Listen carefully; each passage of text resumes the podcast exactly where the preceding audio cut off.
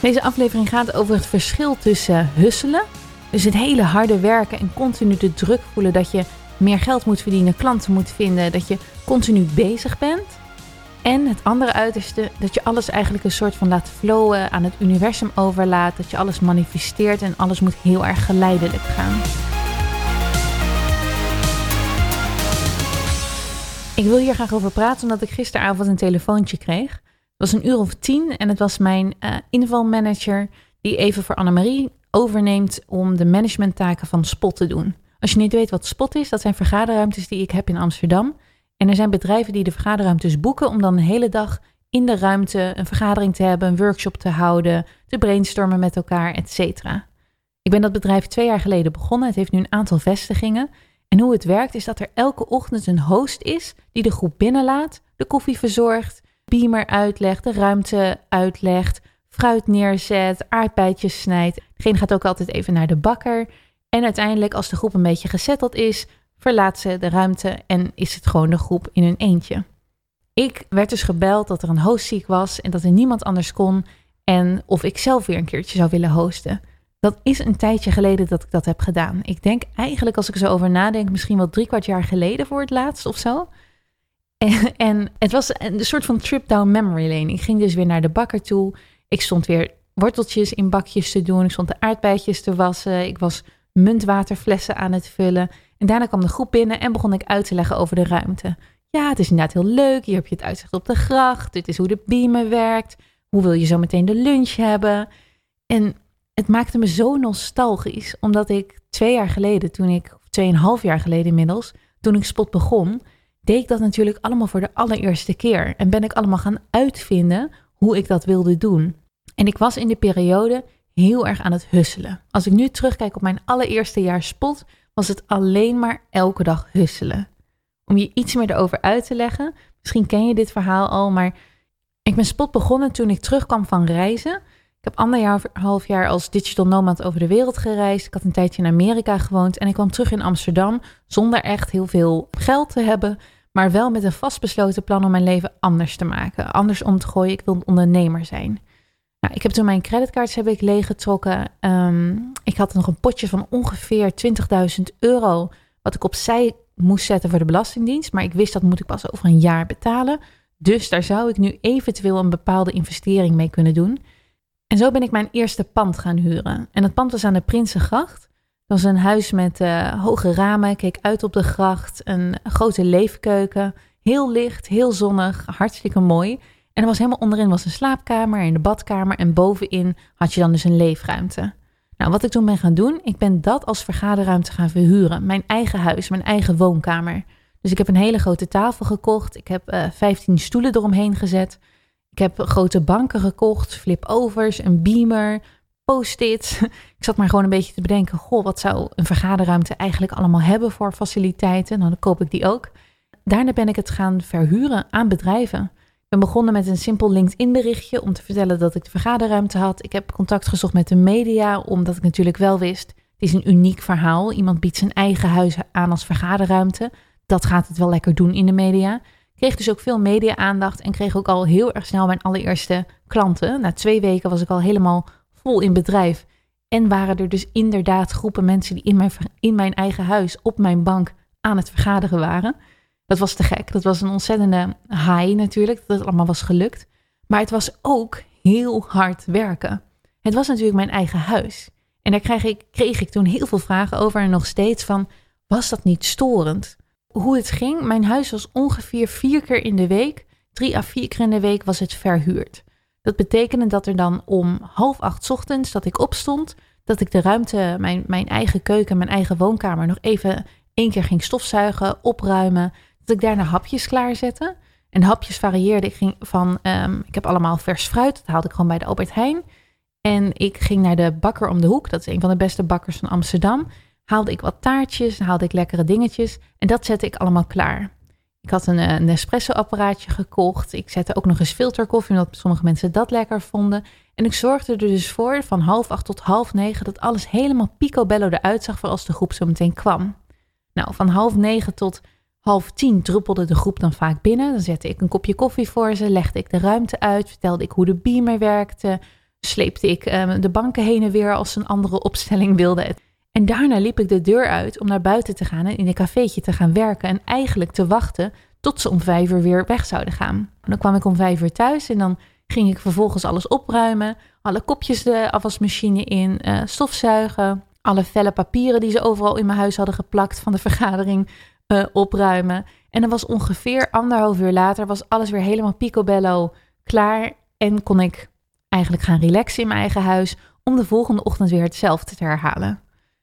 Dat was natuurlijk hard werken. Het was alleen zo, um, ik was zo in een high dat het idee werkte. En natuurlijk, ik verdiende toen, helemaal aan het begin waren mijn prijzen goedkoper. Volgens mij verdiende ik toen 550 euro per dag ermee. En ik zat natuurlijk alleen maar in dat cafeetje te denken, dit is geweldig. Ik heb bijna helemaal niks te doen en ik verdien gewoon 550 euro nu. Het enige wat ik hoef te doen is die koffie zetten en zo meteen weer alles opruimen. Ik heb nog nooit van mijn leven zo makkelijk geld verdiend. Dus ik vond het ik zat een beetje in een high. En ondertussen was ik overdag natuurlijk, want helemaal niks te doen is een beetje overdreven. Want ik was natuurlijk wel de hele dag bezig met promotie, de site beter maken, je offertes uitschrijven voor de ruimte, zorgen dat ik op LinkedIn aanwezig was. Ik was zeker hard bezig ook om spot te promoten. En eigenlijk heb ik mezelf ook heel snel drukker gemaakt door een tweede vestiging al na twee maanden erbij te openen. Een derde vestiging alweer een halfjaartje later en uiteindelijk een vierde vestiging. Dus er was altijd wel veel te doen, zeg maar. En hoe drukker het natuurlijk werd, hoe meer vestigingen ik had, hoe drukker ook vooral al die communicatie met de bedrijven werd. Van, hey, willen jullie komen? Oh, die dag is al bezet. Je kan wel een ruimte 2, je kan wel een ruimte 3. Het was overdag, was ik eigenlijk gewoon continu de hele tijd bezig met de ruimte verhuren. Om dan s ochtends vroeg en s avonds laat de afwas te doen en stof te zuigen. Het, ik heb toen een tweede vestiging erbij nam, kon ik natuurlijk niet meer in mijn eentje die kopjes koffie doen en de groepen binnenlaten. Want als ze allebei om negen uur kwamen, had ik een probleem.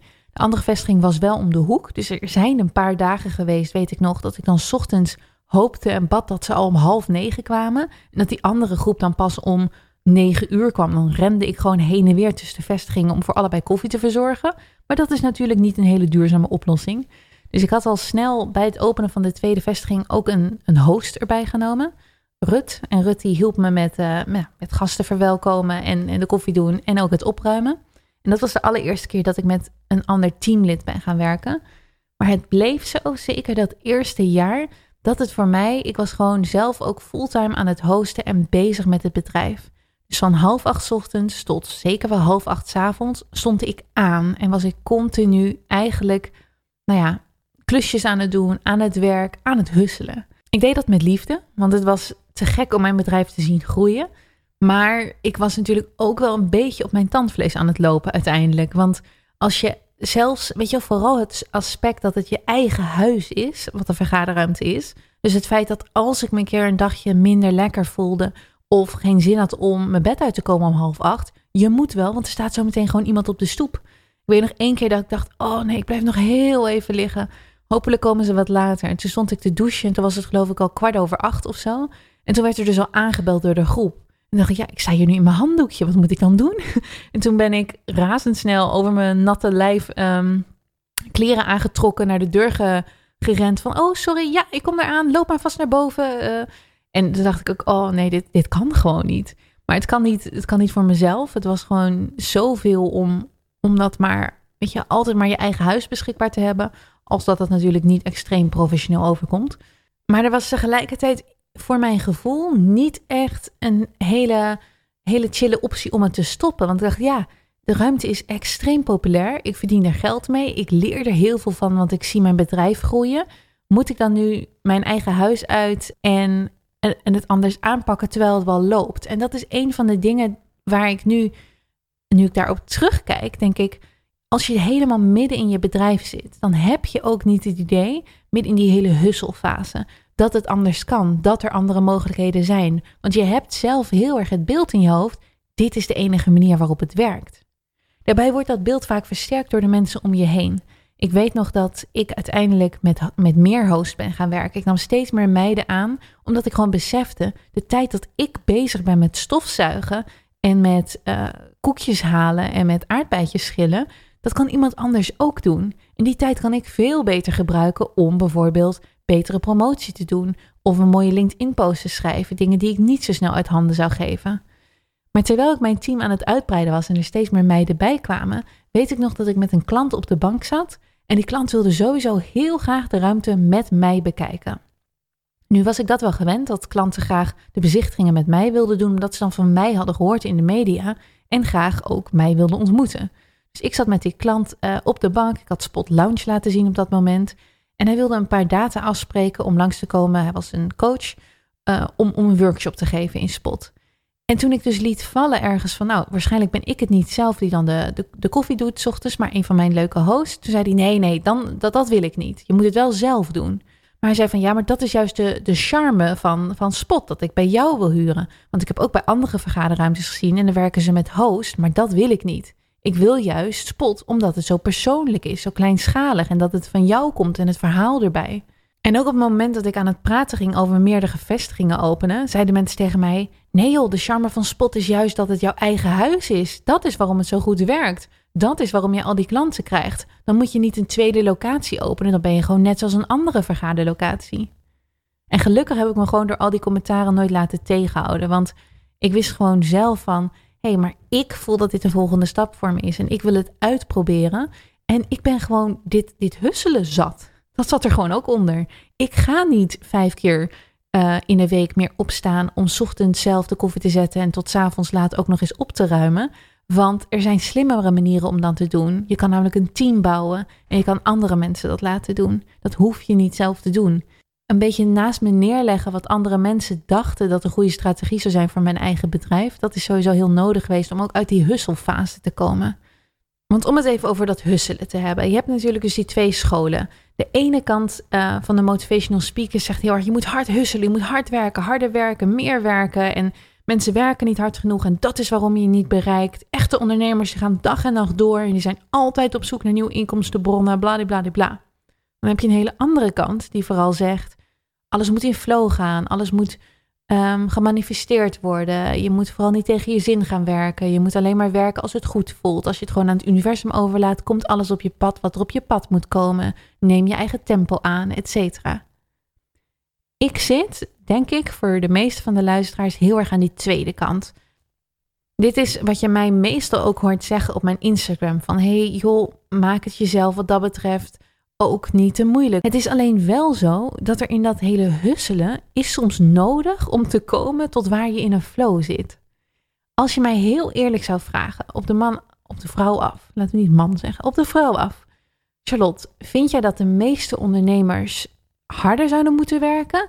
Of juist meer dingen moeten zouden laten flowen en het op een beloop moeten laten nou, aan het universum geven, zeg maar? Dan zou mijn antwoord altijd zijn harder werken.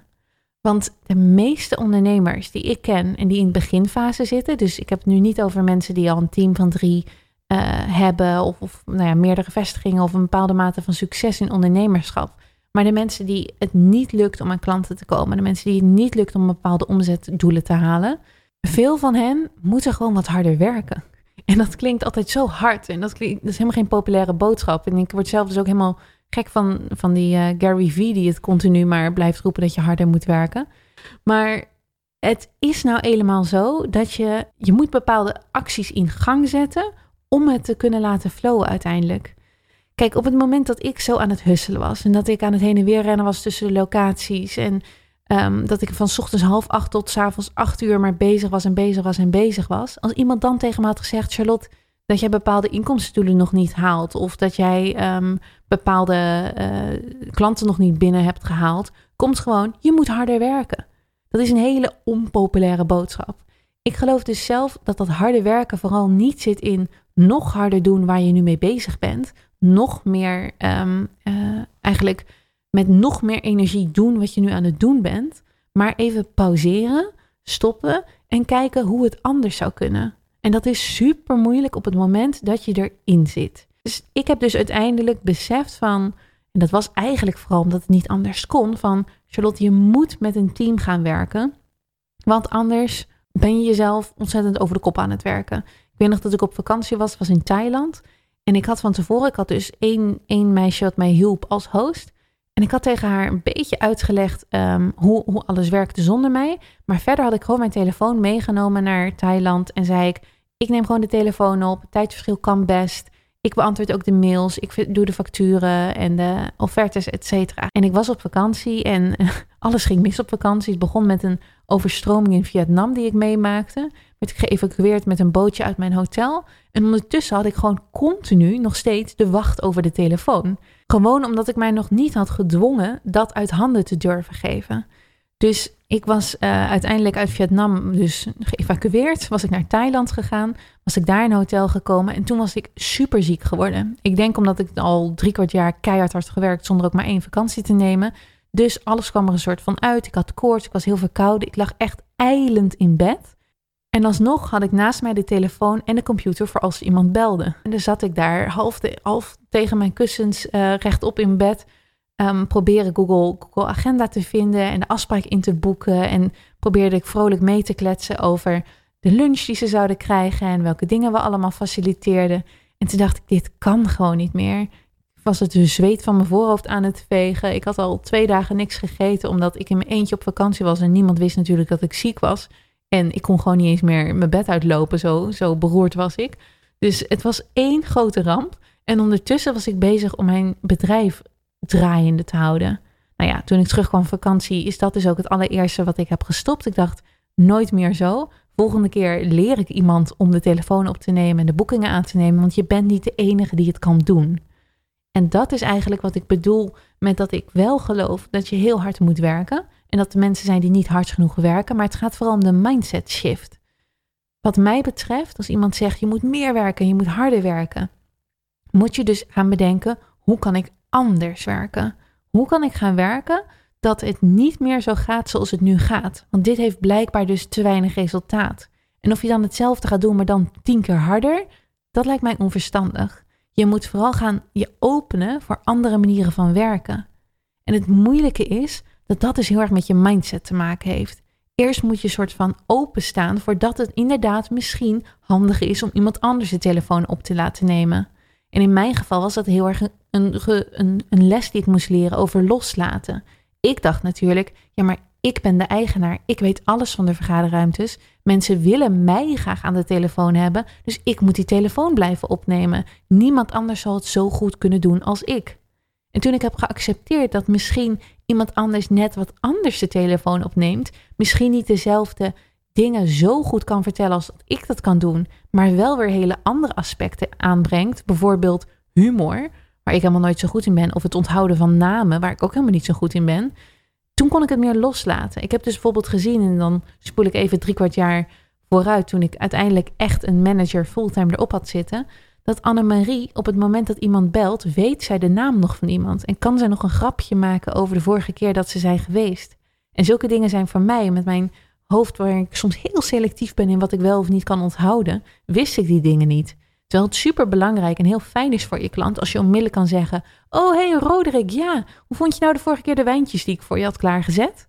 Dat is natuurlijk veel beter dan dat je zegt: Oh ja, Roderick, ja, nee, ik weet nog dat je de vorige keer er was. En dan stilte hebt. Kortom, in plaats van jezelf harder te leren husselen op de manier waarop jij gewend bent te werken, moet je dus eigenlijk altijd bedenken: Oké, dit werkt niet. Het gaat niet goed op de manier zoals het nu gaat. Welke mindset zou ik kunnen aannemen? Welke verandering kan ik doorvoeren die ervoor gaat zorgen dat het anders gaat? Een van de dingen die ik ook in mijn productiviteitscursus altijd leer, omdat ik dit zelf altijd toepas, is dat ik voordat ik begin aan een taak, of het nou een persbericht schrijven is of mijn salespagina aanpak, altijd eerst de tijd neem om als eerste te denken: hoe lang gaat deze taak duren? Hoe lang, hoeveel van mijn tijd wil ik aan deze taak besteden? Nou, laten we zeggen twee uur. Dan ga ik denken, hoe lang zal waarschijnlijk deze taak normaal duren? Nou, misschien wil ik normaal drie uur over. Hoe ga ik dan zorgen dat de taak van drie uur naar twee uur gaat? Welke slimme manieren ga ik deze keer toepassen? Wat ga ik anders doen dan de vorige keer toen het nog drie uur duurde, zodat ik het nu in twee uur kan stoppen? Wat zijn hacks? Kan ik bijvoorbeeld Ehm, om even een concreet voorbeeld te noemen. Ik ben nu bezig met een speech schrijven. Ik ga niet zomaar zitten en schrijven aan een speech. Nee, van tevoren heb ik nagedacht. Zoveel uur wil ik daarover doen. Drie uur. Dat mag ik van mij besteden aan het schrijven van een speech. Hoe ga ik ervoor zorgen dat ik zo snel mogelijk in drie uur een speech kan schrijven? Ik lees dan eerst een boek erover. Dat kost misschien twee uur tijd om dat boek door te lezen, maar daarna heb ik zo ontzettend veel kennis over wat er wel of niet in een goede speech thuis hoort, dat het voor mij veel minder worstelen is als ik daadwerkelijk de speech aan het schrijven ben. Precies hetzelfde met het feit dat ik weet dat bijvoorbeeld ik niet heel goed ben in spel, spelling. Dus als ik een artikel schrijf, zou ik zo 100 dt-fouten in kunnen zitten. En ik ben gewoon te slordig om daar heel erg veel op te letten. Dus in plaats van dat ik mij dan een uur lang daar helemaal op ga focussen en helemaal op ga uh, storten om dat dan toch te gaan doen, denk ik, wat zou sneller zijn? hey, ik kan het uitbesteden. Ik ga dan iemand vragen die het super leuk vindt om te doen, dt-fouten eruit halen. En degene die er veel sneller in is. Dus heb ik dan een uur worstelen opeens teruggebracht naar één minuut een mailtje sturen met hier is het stuk, wil je er even naar kijken? Dus continu en altijd beseffen van de manier waarop ik eerst werkte, zou ik die kunnen optimaliseren? Zou ik die anders kunnen aanpakken? Is er een manier waar ik misschien open voor moet gaan staan dat het daadwerkelijk slimmer gaat? Een vriendinnetje van mij is met een boek bezig en een van haar minst goede punten is eigenlijk structuur aanbrengen. Ze is een hilarische schrijver, dat is, gaat allemaal fantastisch, maar de structuur, daar worstelt ze het meeste mee. Dus toen op mijn advies iemand heeft gevraagd die structuur aanbracht, die heeft er twee uurtjes over gedaan, kon zij vervolgens het hele boek invullen en heeft het werkelijk een fantastische samenwerking en een hele recordtijd van een boek schrijven gehad. Gewoon simpelweg omdat je open gaat staan voor: oké, misschien hoef ik het inderdaad niet meer zelf te doen, of misschien is er een slimmere manier. En dat is wat mij betreft eigenlijk altijd als mensen bij mij komen die dus niet een bepaald succes um, hebben wat ze graag willen hebben of niet bepaalde omzet hebben die ze willen hebben, dat ik denk, maar je moet harder werken.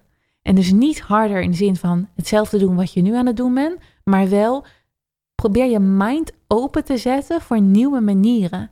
En dat is namelijk hard werken. En dat is waarom ik het alsnog hard werken noem. Het is niet simpel. Dat is juist het allerzwaarste. Het is best wel makkelijk om harder te werken in wat je gewend bent te doen nog meer uren te maken, nog vroeger op te staan, nog meer te husselen. Maar het is veel moeilijker en veel zwaarder om je open te zetten naar een stapje meer en te bekijken welke andere manieren zijn er. Elke dag ben ik daar nu nog steeds mee bezig. Want ook nu, het is niet zo dat ik, dat ik dit natuurlijk nu allemaal hartstikke goed doe. Want er is altijd hierin te leren. En elke keer als ik weer een bepaald niveau heb bereikt, waarvan ik denk, yes, nu voelt het goed. Nu gaat het flowen. Nu voelt het zeg maar alsof alles loopt zoals het moet lopen. Weet ik dat als ik dat een tijdje heb gedaan, zit ik weer in comfortzone. Denk ik weer dat dat de manier is waarop het allemaal zou moeten. En ga ik weer husselen om het op die manier allemaal goed te krijgen. Terwijl ik dan weer opnieuw moet gaan denken: hé hey Charlotte, wat zou een betere manier zijn? Een voorbeeld hiervan is mijn cursus op Instagram. Ik heb Instagram cursussen gemaakt op een bepaalde manier keihard gehusseld om dat voor elkaar te krijgen. Op dat idee bedacht, concept neergezet, promotie gedaan. En uiteindelijk was ik gewend om op die manier de cursussen te geven. Maar het was super veel werk. Als je vier cursussen hebt lopen en ze gaan allemaal vier keer in het jaar lopen ze, omdat je dat nou eenmaal gewend bent en dat de manier is waarop je het dus aan het begin deed, dan had ik dus bijna elke maand had ik een grote launch. En elke keer opnieuw als de cursus loopt, was het een gigantische hoeveelheid werk en kostte het zoveel van mijn energie. Tot ik dus weer, daar heb ik afgelopen zomer de tijd voor genomen, ben gaan denken: hoe kan ik dit compleet anders doen? Hoe kan ik ervoor zorgen dat ik minder aan het husselen ben met die cursussen en veel meer vanuit rust en vanuit flow aan het werken ben? Was ik daar gekomen als ik niet van tevoren had gehusseld? Dat denk ik dus niet. Dus ik geloof er wel in dat je op het moment dat je iets aan het opstarten bent, dat je daadwerkelijk inderdaad misschien harder moet werken dan andere mensen om je heen. Ik denk dat je inderdaad bijvoorbeeld, wil je meer succes hebben dan de mensen om je heen, moet je het anders doen, harder werken en opvallen. Gewoon niet hetzelfde doen als de mensen om je heen. Als je hetzelfde doet als de mensen om je heen, krijg je de resultaten van de mensen om je heen. Een van de mooiste quotes die ik ooit heb gelezen, omdat ik dat tot in mijn core voel, is um, wat je doet in het donker, word je voor beloond in het licht. In mijn gevoel ben ik heel erg veel in het donker aan het werk, altijd. Het voelt een beetje soms alsof als ik iets nieuws breng of als ik iets nieuws lanceer, dat mensen allemaal zitten hebben. Hoe doe je toch al die gouden ideeën zomaar out of the blue en het gaat maar en het stroomt maar. En denk ik, het stroomt en het gaat maar. Ik werk me er helemaal, helemaal kapot voor in het donker, blijkbaar. Ik vind al wel dat ik op mijn Instagram vaak, vaak laat zien dat ik aan het werk ben en dat ik veel aan het werk ben. Maar alsnog um, zullen mensen denk ik niet doorhebben tot de kern hoe hard ik voor dingen werk. En hoe hard is dan bij mij op dit moment, zeker omdat ik heel weinig praktisch werk meer doe. Ik doe dus niet meer de hosting. Ik ben niet meer degene die de telefoon opneemt of de mail doet. Of weet je wel, ik ben niet meer met, met dat soort klusjes bezig. Ik ben meer met grotere beslissingen bezig. Maar ik werk er super hard voor aan mijn mindset en aan continu onder de loep nemen. Hey Charlotte, waar, waar ben jij nu weer je eigen blokkade? Waarvoor zorg jij dat, jij dat het niet stroomt of dat het niet gaat? Ik ben dus continu bezig om eigenlijk mijzelf weer open te stellen voor nieuwe niveaus en nieuwe manieren waarop het uiteindelijk allemaal gaat flowen. Want dat is een beetje het punt van het verhaal. Ik denk dus dat je aan het begin hussel nodig hebt. En dat je daadwerkelijk harder moet werken en dat je meer moet doen en dat je bereid moet zijn om open te staan voor dingen die misschien voor jou nu eng lijken omdat ze uit je comfortzone zijn, maar die gaan doen om op een bepaald niveau te komen. En dat dat niveau eigenlijk is het moment waarop alles floot en gaat. Dus dat je elke keer als je merkt, wacht, dit gaat niet meer, het voelt niet meer lekker, dit, ik ben dit maar aan het doen en ik, ik bots er tegenaan of ik vind het gewoon, het, het gaat niet goed. Probeer jezelf te duwen naar waar je weer in flow bent.